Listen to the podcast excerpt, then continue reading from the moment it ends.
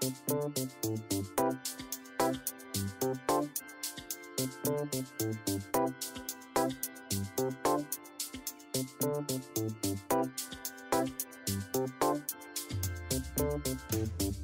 pendengar, selamat datang di podcast dokter pribadi sesi yang ke-20 Buat yang pertama kali mendengarkan sesi kami, selamat datang. Dan buat pendengar setia, akhirnya kita udah sampai sesi yang 20 nih. Nah, di sesi 20 ini kita kembali ditemani oleh dokter hari pribadi Setelah lama sekali beliau ini absen buat ngobrol sama kita Partner saya di dokter pribadi podcast ini. Halo dok, gimana kabarnya?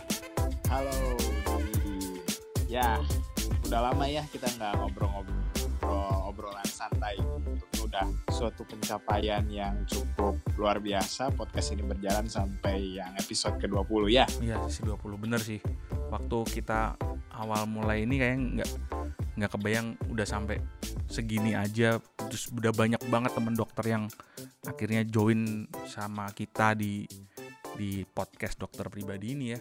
Iya, ternyata banyak juga dokter-dokter yang ya istilahnya berbuat amal dengan mendedikasikan suaranya untuk mengedukasi masyarakat lewat podcast. Benar, benar, benar, benar. Memang setelah 20 sesi ini ada beberapa itu sih feedback kesan dari dari pendengar nih kalau yang kalau masuk dari uh, dari tempatku dari pendengar mereka apa ya maksudnya appreciate sih saya ada ada ada dokter-dokter yang kita bisa mau ngangkat dari tema-tema yang simpel kayak misalnya kayak karang gigi terus apa namanya asam lambung sampai kemarin kita membahas sampai apa sampai ada prosedur henti jantung kemudian sampai ngomong tumor otak banyak banget kan itu kemarin Iya, dari segi dokter-dokter juga ternyata banyak sekali yang ternyata antusias gitu membagikan ilmunya.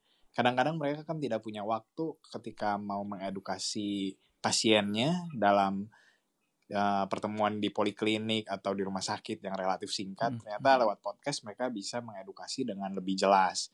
Katanya banyak juga sih pasien-pasien mereka yang secara pribadi, oh dengerin uh, si dokter X begitu. Dan ternyata dari situ dia bisa lebih kenal dengan dokternya.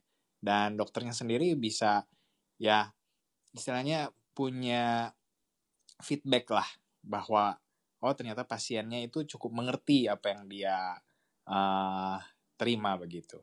Ya ya ya bahkan saya bisa dikatakan dari sisi dokter juga ada ada itunya lah ya ada benefitnya juga buat yang udah mau berbagi di sini.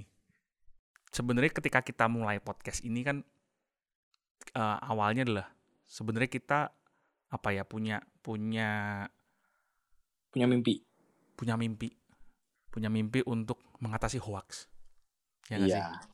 Karena terutama kita, yang di grup WA, Facebook gitu ah, ya.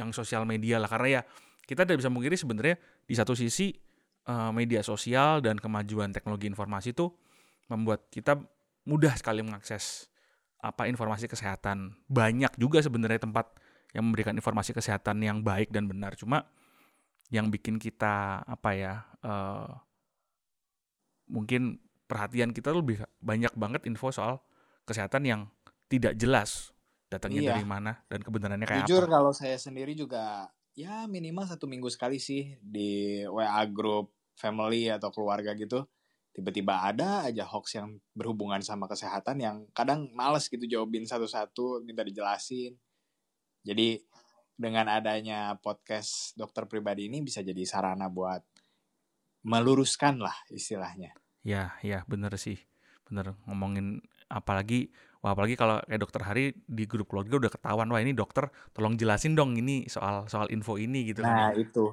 yang saya nggak habis pikir itu banyak ya orang Indonesia itu kreatif gitu, bikin WhatsApp hoax ya.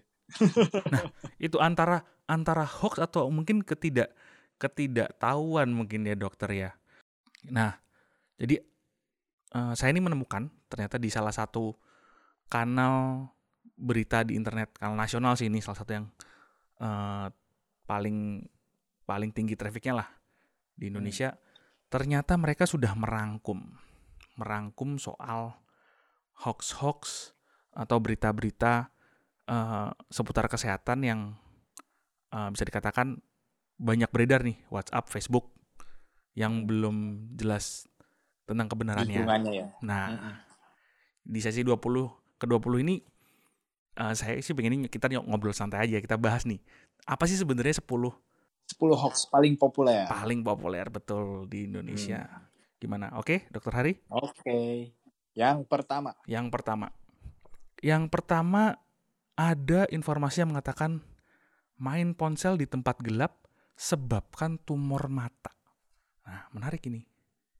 Menarik. Nah, ini saya juga pernah dengar nih, pernah dapat juga ini. Jadi katanya itu ada anak itu kalau baca lewat ponsel tuh malam-malam Hmm. itu katanya bisa bikin tumor mata. Nah, Itu sebenarnya mungkin awalnya ya dari orang-orang yang ya sebel juga lihat anaknya mungkin ngeliatin ponsel malam-malam. bener-bener. Kan kalau gelap tuh emang cahaya ponsel tuh seperti seolah-olah lah dalam tanda kutip pasti orang tua waduh ini kayaknya nanti merusak mata. Nah, kemungkinan sih dari situ mereka bikin hoax untuk eh nakut-nakutin anaknya lama-lama jadi grup WA tuh. Oh, Jadi sebenarnya yang mungkin dimaksud tumor mata itu yang paling sering kelihatan itu adalah retinoblastoma. Itu retinoblastoma itu suatu tumor dari sel di retina, istilahnya sel di dalam mata itu. Itu kalau misalnya dia udah timbul, itu mata kita kayak cat's eye, kayak mata kucing tuh. Oh, gitu. iya iya iya. Ada putih-putihnya. Nah, kayak eh, mata kucing kalau kita sinarin malam-malam.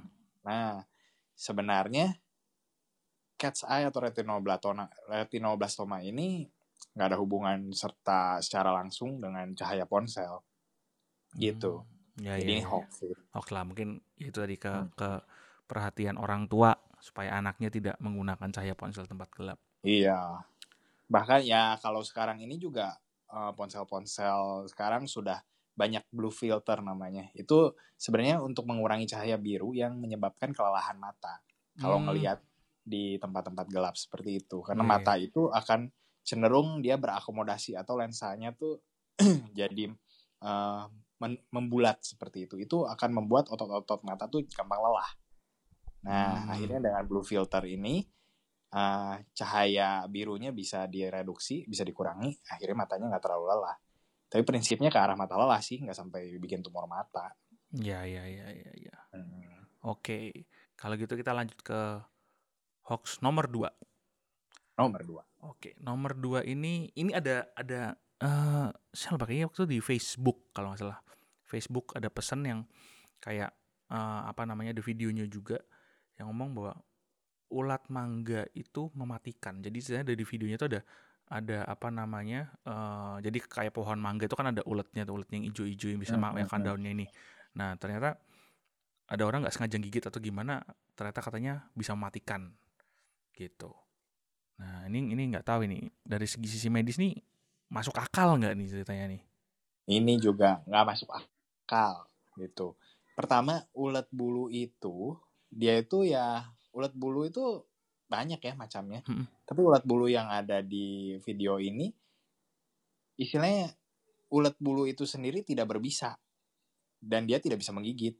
Hmm. Nah, dan eh, dia yang bikin istilahnya beracun ke manusia itu ya bulu-bulunya itu bikin jadi sifat alergen. Jadi Hmm. cuman gatal-gatal aja, nggak sampai Hmm. mati. Itu mungkin kebenaran aja yang digigit mati. Ya mungkin ya, mungkin bisa aja ya. Iya. Iya, iya, iya. Mungkin ya karena mungkin kena apanya, mungkin dia makannya ada gangguan kesehatan itu. Iya. Nah, kalau gitu gini dok, kita lanjut ke ini beberapa hoax berikutnya ini masih berhubungan soal makanan. Nah, Mm-mm. ini satu salah satu informasi yang paling sering dibagi di grup WhatsApp keluarga atau di Facebook keluarga. Mm-mm. eh, bahwa MSG itu berbahaya untuk otak. Ini paling banyak. Biasanya kan kalau makan MSG nanti bisa menyebabkan apa? otaknya kenapa atau bahkan yang ngomong bisa Ah, bikin iya. bodoh nanti kalau di anak-anak gitu. Ya, MSG sampai-sampai keluar sekarang kalau misalnya ada ada anak-anak alay gitu yang posting di media sosial disebutnya generasi micin. Nah, ya. betul generasi micin. Ah, sebenarnya micin ini diciptakan itu pertama kali itu karena ditemukannya suatu rasa di luar lima rasa utama. Lima rasa utama kan manis, pahit, asin, begitu ya. Hah. Nah, ternyata ada rasa namanya umami. Itu diciptakan oleh uh, nama umami ini asalnya dari Jepang. Hmm. Nah, ternyata umami ini hanya bisa timbul rasanya ketika kita mengkonsumsi MSG atau monosodium glutamat. Dan kita pun mengkonsumsi monosodium glutamat kalau terlalu banyak itu rasanya pahit. Oh, Nah, oke. MSG ini mencetuskan suatu rasa gurih yang kita sebut kalau dalam bahasa Indonesia. Hmm. Nah, gurih ini yang bikin eh, nafsu makan kita meningkat begitu. Dan Hmm. secara penelitian dan secara uji klinis itu aman sih. Dan dalam konsumsi yang wajar. Dan kalaupun dalam konsumsi yang sangat banyak sekali, itu cenderung kita itu akan merasa pahit dan cenderung jadi tidak mau makan. Jadi Oh, tidak mungkin oke. orang yang makan MSG itu sampai jadi bodoh, sampai jadi apa eh, IQ-nya turun dan lain-lain lah, sampai disebut eh, micin itu atau MSG itu toksik. Enggak sih. Hmm, ya ya karena emang kalau berlebihan aja di lidah udah nggak kera- udah kerasa lah istilahnya ya. Dan kita pun eh, makan MSG ini sangat sedikit sekali sih biasa ada di dalam misalnya mie instan atau eh, dalam bas mie baso seperti itu yang dipakai-pakai oleh eh, Warung-warung ya. beberapa pedagang-pedagang atau warung begitu. Hmm. Nah, barusan dokter bahas soal mie instan nih. Ini lanjut nih di di top hoax berikutnya nih yang nomor 4 nih. Hmm. Ad- ini salah satu yang paling sering juga nih beredar bahwa mie instan itu bisa menyebabkan kanker dok katanya dok. Nah, ini pun kemungkinan sih timbul hoaxnya karena ibu-ibu yang bete karena anaknya itu banyak sekali lebih doyan makan mie daripada makan makanan yang lain. Oh iya iya iya. Nah, apalagi eh ada beberapa merek yang dis- yang dalam bentuk mie goreng itu emang enak banget ya. Wah banget itu itu itu kayak makanan paling enak enak sedunia nggak ada Nah. apa-apanya aja enak istilahnya. Nah, iya apalagi pakai telur. Wah. Nah luar biasa itu. Jadi sebenarnya nggak ada hubungan ya Indomie sama tadi bikin apa? Eh, mie instan membuat kanker katanya bisa menyebabkan Nah. sampai kanker perut itu dokter. buat kanker nah itu sampai-sampai itu saya pernah lihat itu harus katanya airnya itu dibuang lah Ya kemudian ada lilinnya yang bakal memicu kanker lain-lain situ kalau benar mie instan itu memicu kanker itu pabrik-pabrik mie instan itu udah ditutup tuh ya ya ya karena harus Gitu. melewati BPOM juga kan istilah diuji lah Ah. istilahnya itu. iya jadi mie instan itu memang ada seperti uh, proses uh, ya seperti di dibentuk seperti lilin seperti itu untuk biar dia awet sih sebetulnya. Dan itu tidak uh, tidak menimbulkan kanker. Aman itu Ya ya ya ya. dan mie instan ini high kalori sebetulnya. Jadi dia itu cenderung kalorinya tinggi. Jadi satu satu mie instan itu itu cukup lah untuk uh, masuk ke dalam menu itu dalam uh, menu satu hari itu sepertiganya sudah terpenuhi kalau kita makan mie Iya instan iya iya kalau nggak salah bisa sampai sampai memang setinggi itu karena udah dia isinya karbohidrat semua, prosesnya tuh minyak digoreng, ya kan? Iya, jadi high kalori. Jadi sebenarnya kalau kita makan mie instan tok, jadi itu high kalori tapi low uh, ini nggak ada protein, nggak ada lemaknya, zat-zat mineral yang lain pun dalam konsumsi cuman hanya mie instan itu tidak terpenuhi gitu, nggak ada vitamin juga walaupun beberapa mie sekarang sudah meng- sudah dibilang ada fortifikasinya atau ditambahkan zat-zat seperti itu, tapi hanya sedikit sekali. Mm-mm. Jadi sebenarnya ya tidak bergizi lah istilahnya. kurang Dia hanya memenuhi kalori kita. kurang bergizi lah istilahnya lebih arah bukan Nah. kanker tapi arah obesitas lah mungkin sebenarnya Iya, kalau cuman- berlebihan. cuman tinggi kalori saja tetapi tidak terlalu bermanfaat bagi tubuh kita Mm-mm. tapi tidak menimbulkan kanker Mm-mm. Nah, kemudian kalau gitu kita selanjutnya nih di yang kelima. Yang kelima ini eh, masih berhubungan dengan makanan. Salah satu hoax soal makanan yang paling populer di WhatsApp sama Facebook itu cerita soal orang yang meninggal setelah mengkonsumsi kopi sama durian. Jadi ceritanya ini orang katanya makan durian, minumnya kopi. Kemudian em, mati kemudian kor- korbannya meninggal gitu loh. Nah ini Hmm. apakah menyebabkan itu? Karena kalau ini kalau kalau dari dari dari menurut menurut hemat saya ya beberapa episode lalu kan kita pernah ngobrol bahwa durian ini cenderung gulanya dia tinggi sekali, kemudian Hmm. kopi kan juga kafein kan. Nah, mungkin ada masalah dengan jantung apa gimana? Apa ini bener kalau kopi campur durian pasti bisa menyebabkan orang meninggal gitu, dokter? Nah, ini juga hoax. Hmm. Jadi kopi itu ya orang sebut bahwa kopi itu hati-hati kalau minum kopi bisa darah tinggi. Itu hoax.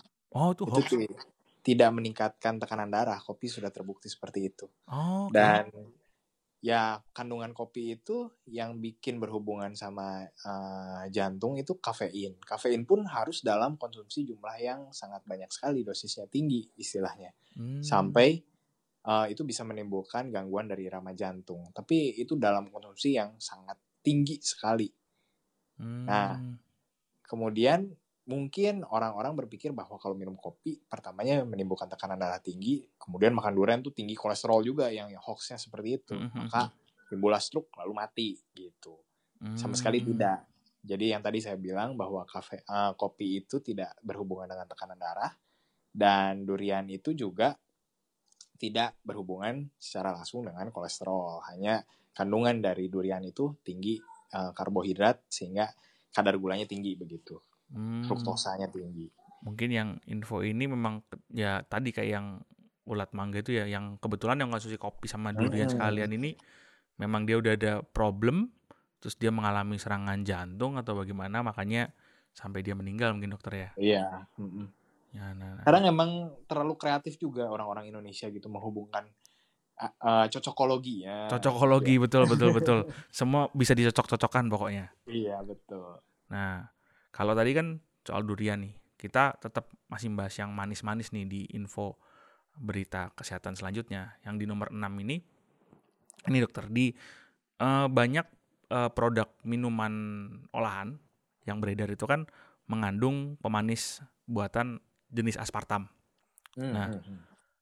Di WhatsApp sama Facebook ini, menurut kanal berita nasional ini, eh itu apa namanya banyak info yang mengatakan aspartam tuh dikaitkan dengan banyak hal lah dari diabetes terus sampai kanker sampai eh, efek-efek kesehatan lainnya sampai sampai Mhm. berefek pada pada kesehatan sumsum kita itu bener sebenarnya aspartam bener gak sih bermasalah itu Nah, banyak enggak. banget di minuman itu Hmm. Ya betul. Jadi eh sebetulnya orang itu kan ini hoax ya. Tadi Hmm. aspartam itu menimbulkan diabetes, menimbulkan demensia, kanker dan lain-lain. Hmm. Itu hoax. Jadi aspartam itu orang tuh dulu kalau pengen ngerasa manis, dia harus mengkonsumsi namanya glukosa. Hmm. Nah, ternyata glukosa ini berhubungan dengan diabetes. Karena konsumsi yang terlalu tinggi dari glukosa akan memicu insulin lebih eh, dikeluarkan oleh tubuh kita lebih banyak. Dan kondisi bila insulin ini sudah overproduksi, sel dari beta pankreas atau sel pankreas kita lama-lama rusak, pabriknya tutup, akhirnya diabetes. Itu diabetes tipe 2 sebutnya. Hmm. Nah, Karena glukosa ini begitu jahatnya, maka diciptakanlah suatu zat yang bisa menipu otak kita sehingga seperti rasanya manis. Hmm, Gitu. gitu. Maka oke. dicari-cari dan ditemukanlah ternyata aspartam.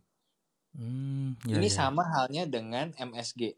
Aspartam ini bila dikonsumsi dalam jumlah yang banyak, terlalu banyak, itu akan menimbulkan eh, rasa pahit juga. Nah, kemudian aspartam ini sekarang banyak di produk-produk untuk pengganti gula, sebutnya begitu. Hmm, ya, ya, ya, ya.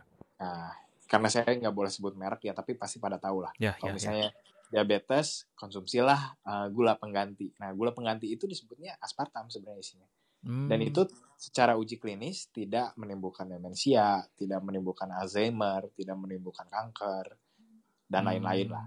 Ya, itu ya. aman gitu. Ya, ya, Cuman memang harganya lebih mahal daripada gula pasir biasa Ya, mahal banget sih memang itu. gitu. Itu, itu malah itu malah baik karena sebenarnya itu cuma cuma menimbulkan efek manis istilahnya yang kita rasakan manis tapi Iya, tanpa betul. menambahkan kalori itu ya dokter ya. Iya, betul. Oke oke oke oke. Jadi mungkin hoax ini mungkin dibuat oleh salah satu yang punya pabrik gula mungkin. Mungkin mungkin ya bisa jadi ya karena itu karena kan orang kita paling paling mudah di cocokologi tadi kembali dengan yang Iya. alami-alami istilahnya. Mm-mm. Nah, ngomong soal alami ini menarik kita masuk ke ke yang ketujuh nih, dokter. Ke yang tujuh ini salah satu informasi yang paling sering menurut menurut saya pengamatan saya yang paling sering disebar di grup WhatsApp dan Facebook yaitu kalau orang mengalami gejala stroke. Nah, ini karena Hmm. beberapa waktu lalu kan kita sempat ngobrol soal stroke juga waktu itu. Nah, Hmm. salah satu cara yang paling banyak disebar sama sama orang-orang di WhatsApp sama Facebook itu lah kalau ada gejala stroke ditusuk jarum jarinya sampai keluar darah nanti itu bisa mengurangi itunya stroke. Itu bener nggak sih dok? Waduh, ini paling ngaco ini. Paling ngaco ya ini ya. Ya, tapi saya juga pernah ditanya langsung oleh beberapa pasien seperti itu. Jadi katanya kalau orang kena stroke itu kan tekanan darah terlalu tinggi. Ya. Nah, analoginya kalau kita tusuk tuh di pembuluh darah, akhirnya darahnya keluar, tekanan darahnya bisa turun. Oh itu iya. ngaco banget gitu. Kalau kita tusuk pembuluh darah kita di ujung-ujung jari seperti itu, itu adalah pembuluh darah yang kecil. Kita sebut itu kapiler. Hmm, hmm. Nah, bagaimana jumlah darah kita yang minimalnya kalau orang dewasa tuh 5 liter lah. Ya. Itu bisa berkurang tekanan darahnya hanya dengan beberapa tetes yang keluar Nah, gitu. betul, betul. Logikanya tidak nyambung kan? Hmm, Nah, hmm. gitu. Jadi untuk menghindari stroke yang diakibatkan oleh tekanan darah terlalu tinggi, itu ya konsumsi obat darah tinggi. Nggak ada hubungannya ditusuk di ujung-ujung jari, itu tekanan darah bisa turun langsung drastis. gitu. Tekanan darah bisa turun drastis kalau yang ditusuk tapi jangan diikutin itu pembuluh darah besar seperti aorta yang di leher seperti itu. Oh iya itu sama aja bunuh Dan diri sih itu bisa dokter. berakibat malah kematian. Iya. Iya, kan iya. darahnya keluar semua. Berarti kalau gitu ketika ada gejala stroke harus segera dibawa ke fasilitas kesehatan mas sebenarnya dokter ya. Iya. Ya ya ya ya, ya. ini ini bahaya memang ini ini yang menurut saya mitos yang banyak kan jangan orang mikirnya dia udah tahu dia stroke bukannya segera ke fasilitas kesehatan malah Iya, jarinya ditusuk. tusuk lagi jarinya. Wah itu Kasihan malah ibu atau bapaknya itu. ya Darah ya. keluar di mana nanti. Lebih horor itu waktu waktu masuk rumah sakit. Ya ya ya ya. Nah masih berhubungan dengan stroke nih dokter di di yang kedelapan yang kedelapan itu ini salah satu salah satu mitos soal penanganan stroke atau tentang stroke juga yang itu bahwa eh, ada yang bilang kalau kita mandi air yang dingin yang terlalu dingin mungkin ya itu bisa Hmm. menyebabkan memicu stroke karena mikirnya kalau dingin barang kalau kena dingin kan terus mengkerut karena mengkerut tekanan darahnya naik terus bisa mengakibatkan stroke Nah, itu benar nggak dokter? Nah, ngaco juga ini. Tidak ada hubungannya. Jadi mungkin ini nih dicetuskan oleh orang-orang yang males Mandi. mandi dengan air dingin. Oh iya iya bisa bisa bisa bisa. Jadi yang seperti yang saya tadi sudah bilang bahwa stroke itu memang ada dua. Stroke penyumbatan atau perdarahan. Hmm. Mungkin kalau stroke yang diakibatkan oleh ini ya cocokologinya karena dia dingin, pembuluh darahnya mengerut, jadi tekanan darahnya tinggi, stroke. Tidak semudah itu. Udah semudah itu Jadi- kenyataannya ya. Iya, kenyataannya tubuh kita memiliki ya kita ini sebutnya poikiloterm ya. Jadi eh, kita bukan berdarah dingin. Kalau hewan itu kan ada hewan berdarah dingin. Nah, kalau kita ini manusia itu bisa mencocokkan suhu tubuh sesuai dengan suhu yang dibutuhkan. Jadi dia tidak bergantung dengan lingkungannya. Hmm, ya ya Gitu. ya.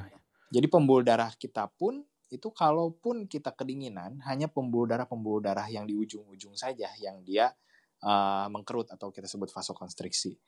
Nah, Hmm, tidak sampai pembuluh darah pembuluh darah utama kita yang cenderung ikutan mengkerut kecuali kita dalam kondisi ekstrim hipotermi.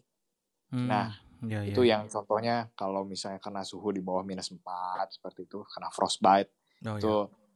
baru itu terjadi peningkatan eh, tekanan darah dan di bagian ujung-ujung ini pembuluh darahnya semua mengkerut dan itu Hmm. malah cenderung eh, efeknya itu ke eh, pembuluh darah pembuluh darah di ujung-ujung eh, tubuh kita itu karena dia mengkerut jadi jari atau kaki kita itu kehilangan sensasi jadi pertamanya kesemutan lama-lama nggak kerasa lama-lama bisa rusak selnya Hmm, gitu bukan mengakibatkan jadi stroke Hmm, ya, ya malah malah seperti malah ya frostbite itu orang nyebut ya. Kalau misalnya ya pendaki frostbite. gunung kan biasanya yang kena kan itu ya.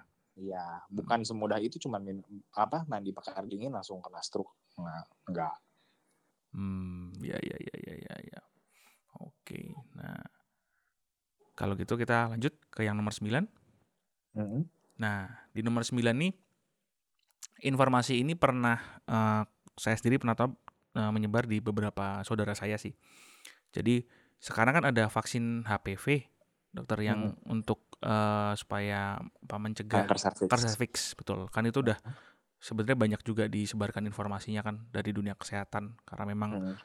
apalagi sedini mungkin itu kalau nggak salah saya saya ada kepon- keponakan yang SD atau SMP yang dia udah ada informasi juga Iya, betul. tuh. Nah, tapi di saat yang sama ada juga informasi yang tersebar itu ngomong kalau vaksin HPV ini menyebabkan menopause dini. Nah, kan buat yang adik-adik kita yang justru pengen dia men- mendapatkan keamanan melalui, melalui vaksin ini kan malah jadi takut. Ini bener nggak dokter? Iya. Ngaco juga itu. Mungkin ini di apa? Dicetuskan oleh golongan-golongan anti vaksin ya.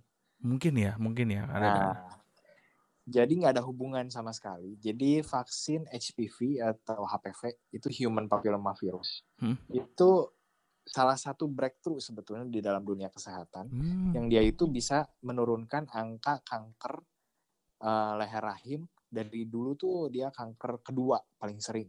Hmm. Nah, ini tuh turun sampai di bawah peringkat dari 10. Udah Wow. lewat dia. Wow. Gitu. Jadi sampai-sampai yang menemukan vaksin HPV ini eh, dimasukkan ke kandidat dapat Nobel.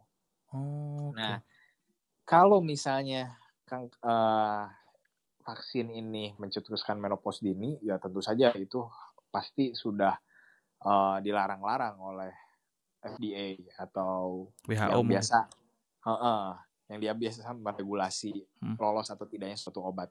Hmm. Nah, jadi dia tidak ada hubungan secara langsung dan dia itu tidak menyebabkan secara langsung itu kalau misalnya menopause dini itu ya hubungannya dengan hormon dan dia Hmm. tidak ada hubungan ke arah sana. Hmm, ya ya. ya. Memang ka- kanker leher rahim itu kan karena disebabkan oleh virus dan vaksin ini sebenarnya fungsinya adalah membuat uh, orang punya antibodi terhadap virus ini nggak ada Iya, urus- nggak ada urusan dengan horm dengan hormonalnya sebenarnya dokter ya. iya nggak ada urusan sama sekali.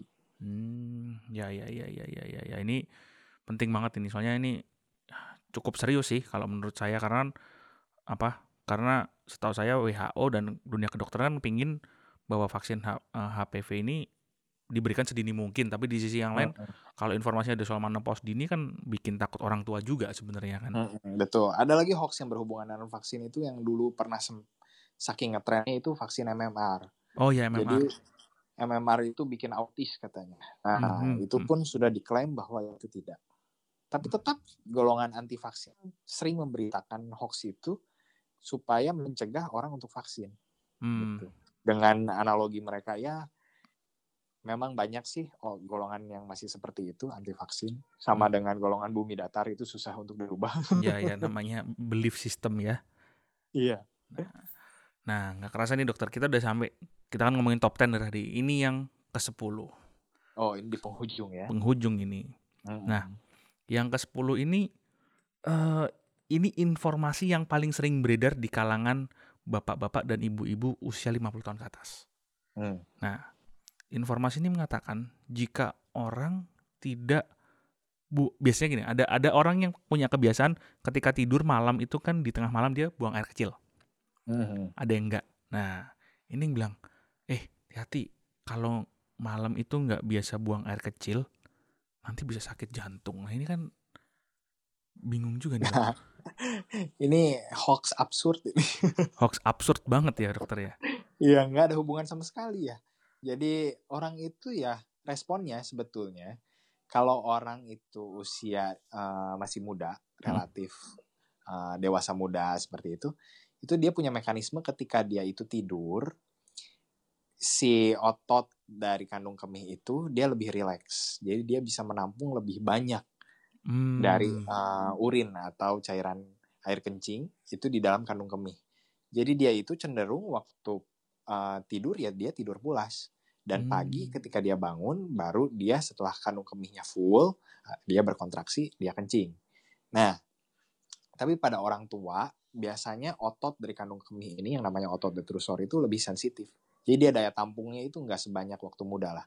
Jadi cenderung Hmm. orang itu kalau sudah tua dia cenderung gampang uh, malam-malam itu buang air kecil.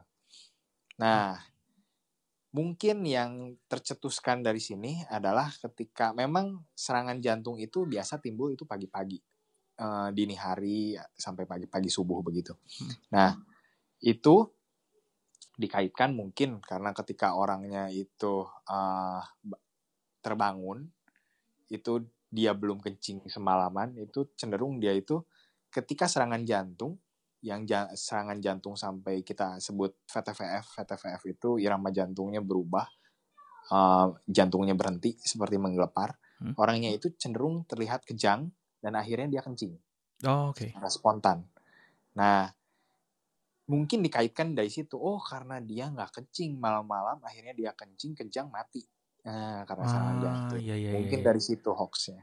Iya, iya, iya. Gitu. Iya. Jadi sama sekali padahal nggak ada hubungannya. Nggak ada hubungannya ya.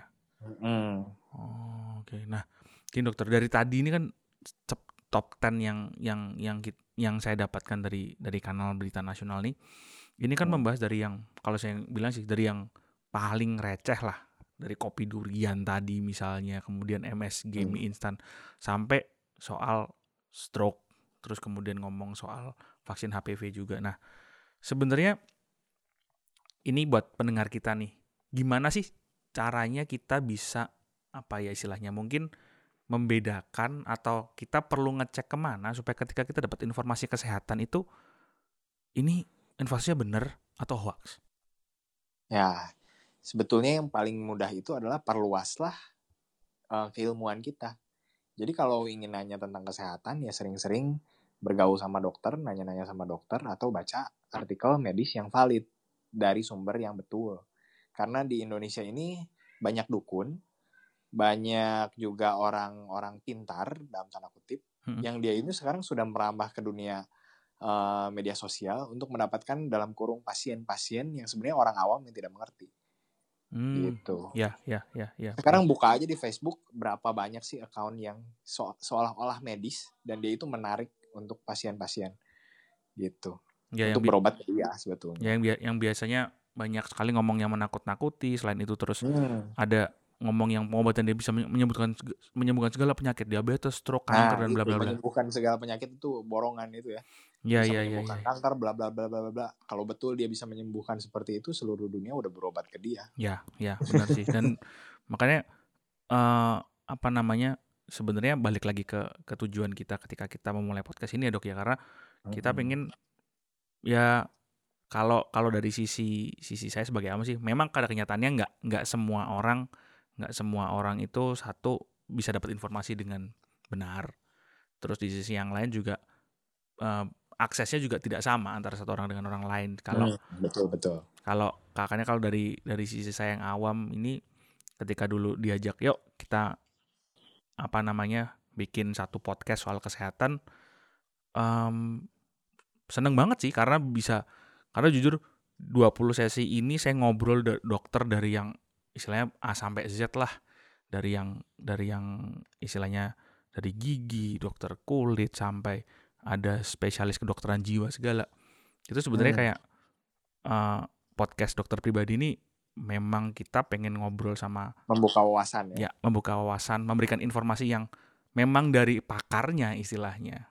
Sedang juga sih ada ada ada pendengar, ada ada yang istilahnya memang orang-orang paling tidak berarti ada ada sekian ratus orang yang memang berusaha mencari informasi kesehatan dan bisa mendapatkan informasi kesehatan lewat channel yang tepat kalau menurut saya.